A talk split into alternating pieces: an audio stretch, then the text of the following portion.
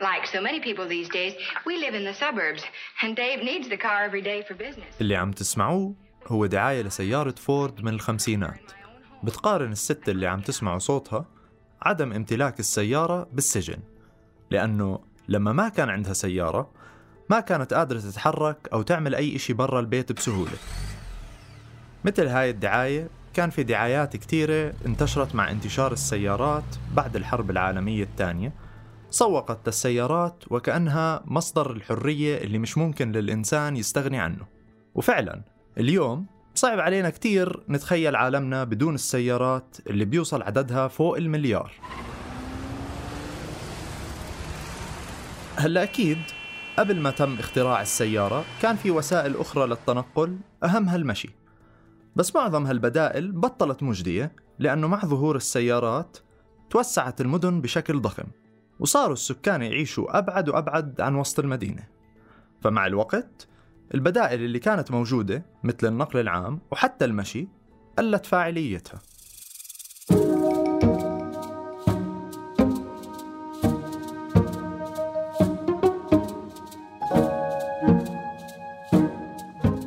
بعد ست سنوات من شغلي بمجال البيئة والتنمية الحضرية لاحظت أنه لساتنا محتاجين نحكي عن البيئة ونناقشها. خاصة أنه المحتوى العربي بهذا المجال محدود. من هون انخلق هالبودكاست.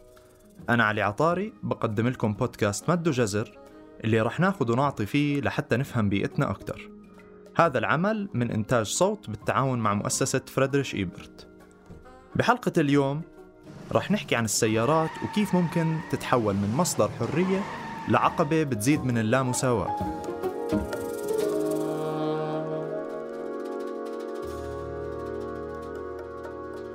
في كتير معيقات للتنقل بأريحية مع إنه مش الكل بحس فيها بنفس الكم. هالمعيقات بتأثر على الناس بطريقة غير متناسبة وأحيانا هذا بتعلق بمستوى الدخل للفرد أو العائلة.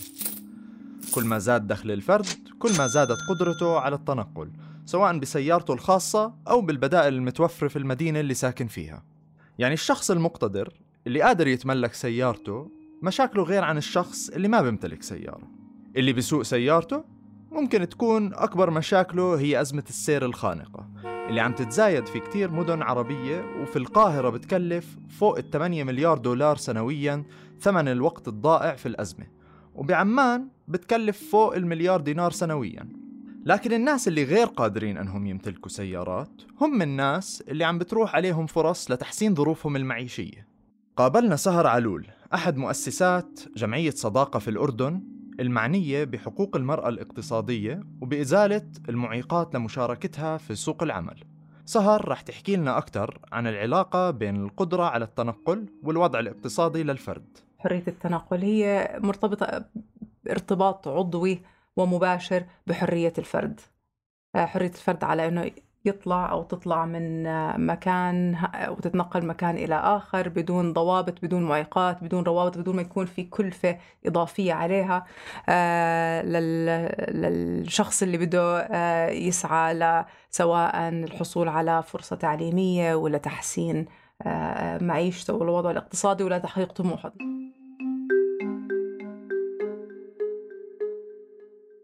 طبعا التضخم السكاني له دور كبير في تفاقم هاي المشكلة. بس ما بنقدر نلوم زيادة عدد السكان فقط. إذا الواحد بده يكون دقيق لازم يطلع على صميم المشكلة اللي هو زيادة أعداد السيارات على الشوارع وزيادة الاعتماد على السيارة من قبل الأفراد ليقضوا حاجاتهم ويوصلوا نشاطاتهم. اليوم الناس عم بتقضي وقت أكتر وأكتر في سياراتها. المعضلة اللي بلشنا نلاحظها مؤخرا هي أنه هاي الحرية فعليا تحولت لقيود لأنه مع ازدياد السكان ومالكي السيارات وثبوت المساحات المخصصة للشوارع اللي بتمشي عليها هالسيارات صار في أزمات سير. والمتوقع أنه هالأزمات رح تصير أسوأ مع ازدياد عدد السيارات المستقبلي والشبه مؤكد. والأزمة مش هي المشكلة الوحيدة. في مشاكل أخرى ممكن تكون أهم مثل الأضرار البيئية الناتجة عن السيارات إضافة للتفاوتات الطبقية اللي بتتعزز كل ما يصير في فروقات أكثر ما بين اللي قادر يتملك سيارة ويمارس نشاطاته اليومية وما بين اللي مش قادر يتملك سيارة واللي تلقائيا بيفقد قدرته على التحكم بحياته اليومية. عشان نفهم البعد التخطيطي لهالمشكلة ونتعرف على بعض البدائل المطروحة حكينا أيضا مع هبة عطية مخططة حضرية وعضو مؤسس في مؤسسة تبديل لدعم ثقافة الدراجات في مصر. هو عالميا في دايما تركيز على السيارة خاصة من من مثلا نقدر نقول خمسينات ستينات. والموجة دي ما شافتش ساعتها إنه العيوب اللي بتحطها السيارات الخاصة إلا مع تزايد الأعداد بشكل كبير. وحديثا لما بدأ شوية الجوانب البيئية الآثار السلبية تظهر يعني. عندنا في مصر شوية لسه إحنا مركزين على السيارات الخاصة. فمثلا في إحصاء عدد الناس اللي بيركبوا أنواع مواصلات مختلفة بيكون دايما في تجاهل لعدد الناس اللي بتمشي أو بتستخدم الدراجة لأن هي مش بتحسب كوسيلة تنقل في معظم الأحيان. يعني مثلا ممكن نحسب الناس اللي بتركب الترام والمترو والعربية الخاصة لكن مش بنحسب الناس اللي بتمشي المشاورها قد إيه. وفي نفس الوقت التنقل بالسيارة الخاصة هي مش الحل المتاح لمعظم المصريين لأنه ملكية السيارة خاصة في مصر قليلة جدا بسبب سعرها والعمل الاقتصادي في استخدامها.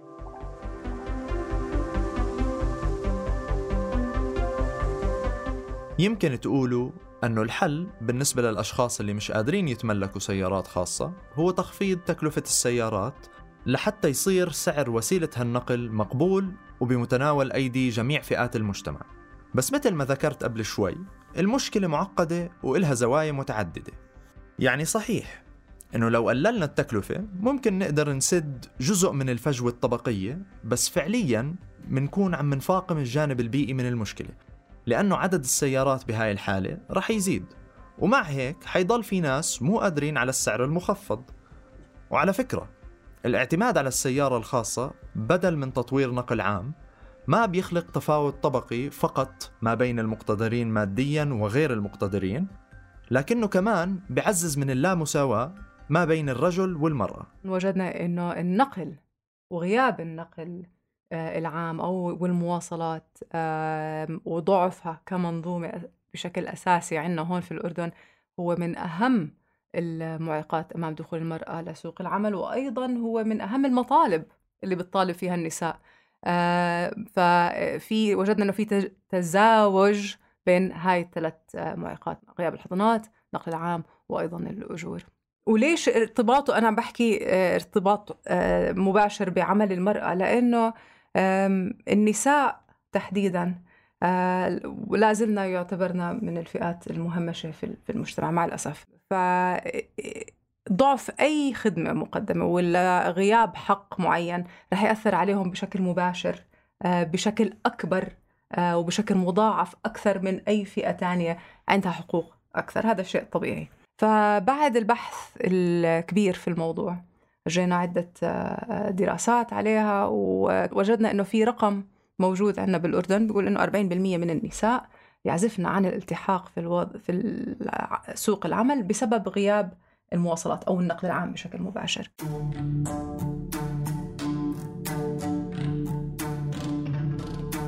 ممكن بهاي الحالة كمان يشعر البعض أنه الحل هو تشجيع المرأة على تملك السيارات إما عبر تخفيض التكلفة أو عبر دراسة الأسباب الرئيسية لعدم تملك النساء السيارات وحل المشكلة من هناك.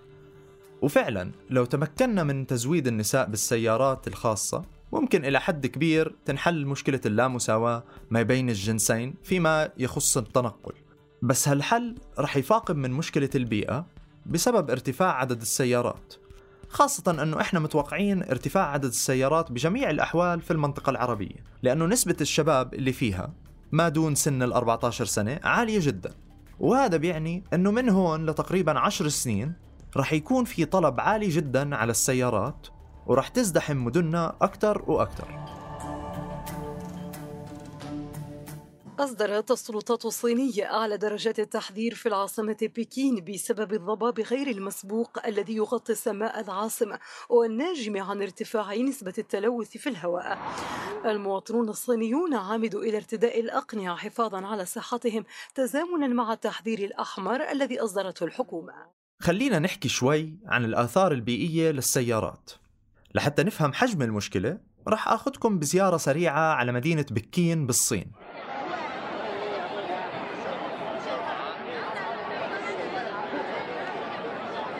وانتوا عم تمشوا بالشوارع رح تلاحظوا أنه كتير من المشاة لابسين كمامات. بالأول ممكن يخطر على بالكم أنه المشهد مش غريب. ما كل العالم عم بيلبس كمامات من وراء الكورونا. بس فعليا الصينيين ببكين بيلبسوا كمامات من قبل كورونا بكتير. والسبب هو التلوث الهوائي الموجود في المدينة واللي بينتج عنه ضباب دخاني بفرض على المدينة نوبات تلوث وظلام ممكن يؤدي لإغلاق مؤقت للمدارس ونشاطات أساسية تانية. نسبة الناس اللي بيصير عندها مشاكل في التنفس وسرطانات مختلفة عم بتزيد في بكين وجزء كبير من هذا الضباب الدخاني بنقدر نربطه بالسيارات. طبعا توبوغرافية المدينة كتير بتساهم في حبس الغازات الدفيئة داخل المدينة وبتصنع هالظاهرة اللي عادة بنشوفها بمدن محاطة بالجبال. بس هذا ما بغير من دور السيارات في تفاقم المشكلة. قطاع النقل واللي بيشمل النقل البري والجوي والبحري بيساهم في حوالي 14% من الانبعاثات العالمية للغازات الدفيئة. وهو من أسرع القطاعات توسعا والغالبية العظمى منها من النقل البري مثل السيارات والشاحنات. ممكن نقلل من الانبعاثات من السيارات عن طريق تحسين كفاءة التشغيل للمركبات عبر تقليل وزن المركبة أو استخدام البنزين بطريقة أحسن بس هاي التحسينات محدودة وصار في ضرورة للتحول لطرق صديقة أكثر للبيئة. في مبادرات ومحاولات عديدة لحل المشكلة من ضمنها اتفاقية باريس للمناخ واللي وقعت عليها معظم دول العالم بهدف تقليل انبعاثات الغازات الدفيئة والملوثة لدرجات آمنة. أما على الصعيد التقني انشهرت بالسنوات الأخيرة السيارات الكهربائية. بس هذا الحل بالذات لازم نوقف عنده ونفكر فيه منيح. أولا لازم نفكر بمصدر الطاقة اللي بتوفر الكهرباء المستخدمة بالسيارات. لأنه لو كان بيتم إنتاجها من قبل النفط ما استفدنا كتير لأنه المشكلة الأساسية بالسيارات العادية هي استهلاك هذا النفط اللي بيصدر انبعاثات. أما إذا كانت الكهرباء المستخدمة تنتج مثلا عبر الطاقة الشمسية فوقتها بصير هذا النوع من السيارات صديق بالبيئة أكثر غير هيك مشكلة الأزمة ومساحة الشوارع المحدودة فعليا ما بتنحل مع التحول للسيارات الكهربائية. وعلى فكرة التلوث الهوائي مش منحصر على بكين. كمخططة يعني أنا ملاحظة في المدن المصرية عندنا مشكلة أساسية كبيرة هي تدهور جودة الهواء خاصة في القاهرة وإسكندرية والمدن المليونية. تاني حاجة عدم توفر آه، النقل العام بشكل كافي لكل الطلب الموجود عليه. أنا كنت شايفة كمخططة إن الدراجة حل مناسب وسط بين كل الحلول وفي نفس الوقت آه، يعني آه، بيدي مساحة للتنقل أحسن من اللي بيديها المشي مثلا شوية لأنه تقدر تروح بيه مسافات أطول. وهو مناسب للمدن المصرية لأن المدن المصرية يعني مسطحة ما فيهاش توبوغرافيا عالية يعني. فهو مناسب لينا وبرضو كانت موجودة في الثقافة المصرية بشكل أساسي آه، في الخمسينات مثلا قبل غزو السيارات الخاصة لمصر. وبشكل شخصي أنا بختار الدراجات علشان آه، حرية الحركة وإن أنا مش مضطرة أستنى المواصلات مثلا. ولو استنيت المواصلات ممكن تيجي ما فيهاش مكان ليا.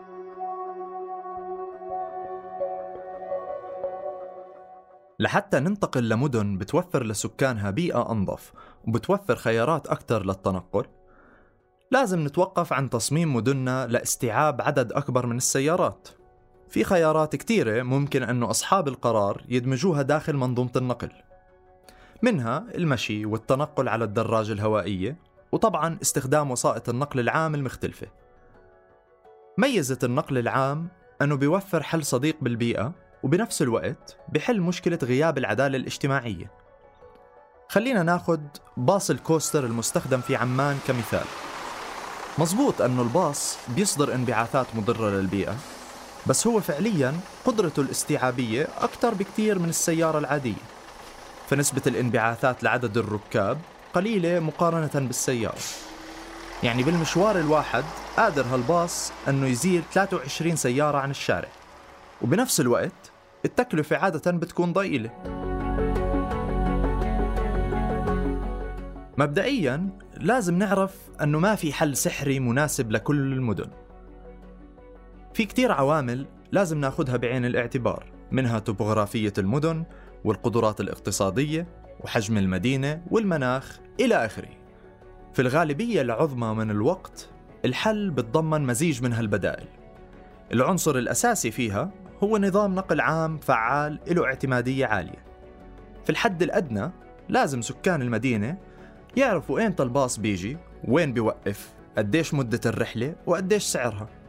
هيك على القليلة بنقدر نضمن أنه الأشخاص اللي ما عندهم سيارة ما عم بينازعوا لحتى يشتغلوا أو يدرسوا أو يتعالجوا أو يتحركوا لأي سبب كان. بمعنى آخر تطوير النقل العام بالطريقة الصحيحة بسمح لشريحة أكبر من المجتمع أنها تتنقل وتوصل للفرص والنشاطات المختلفة. وهاد بالمحصلة بقلل من التفاوتات الطبقية. أنا عايشة ضمن دولة.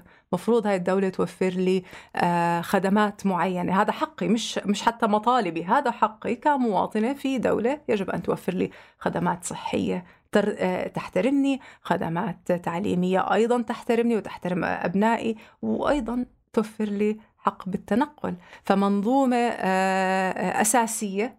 إحنا مش عم نطلب كثير مطلب إنه فقط منظومة تحترم تحترم وقتي تحترم كرامتي في التنقل. آه، أقدر أضمن أنه أنا طالعة من باب بيتي رح أوصل لعملي في الوقت المناسب.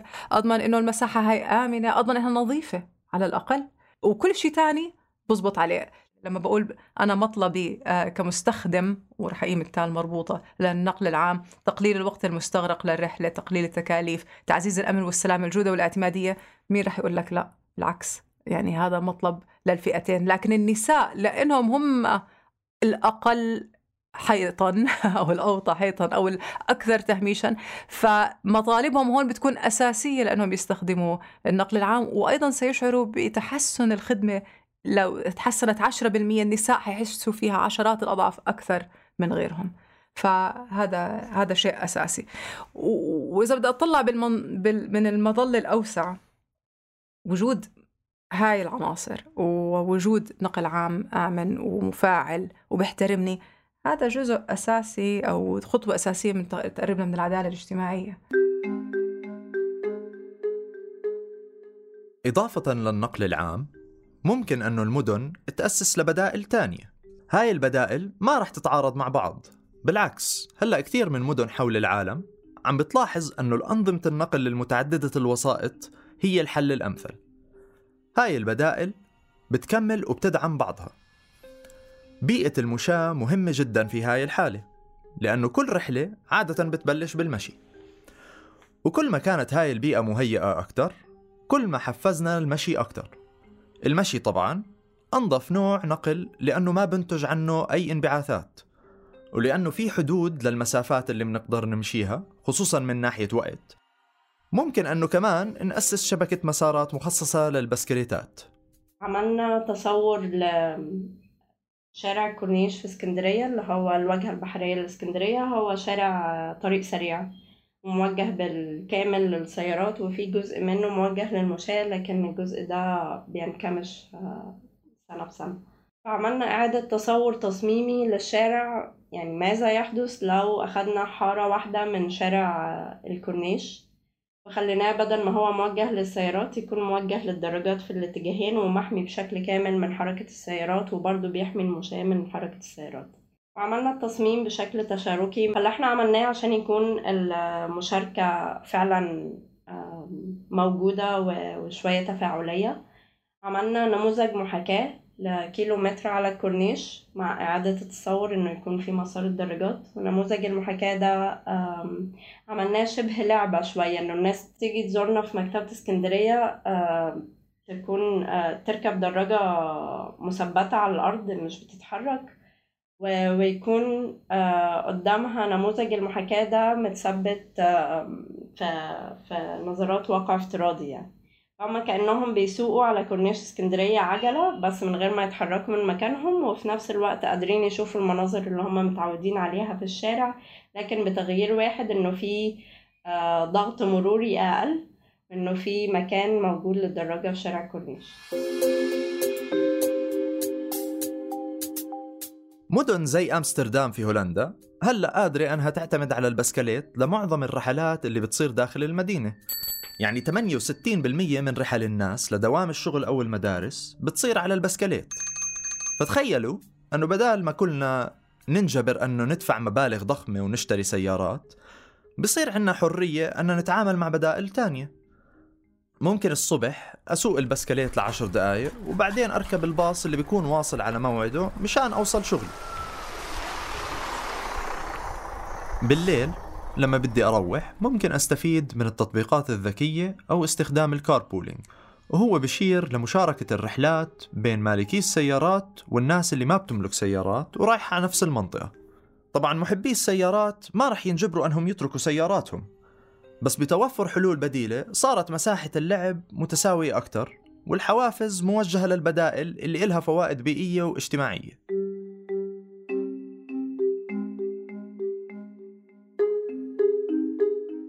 هاي الحلقة من إعدادي وتقديمي أنا علي عطاري تحرير تالا العيسى هندسة الصوت حسان مهرة نشر وتوزيع مرام النبالي وجنى قزاز.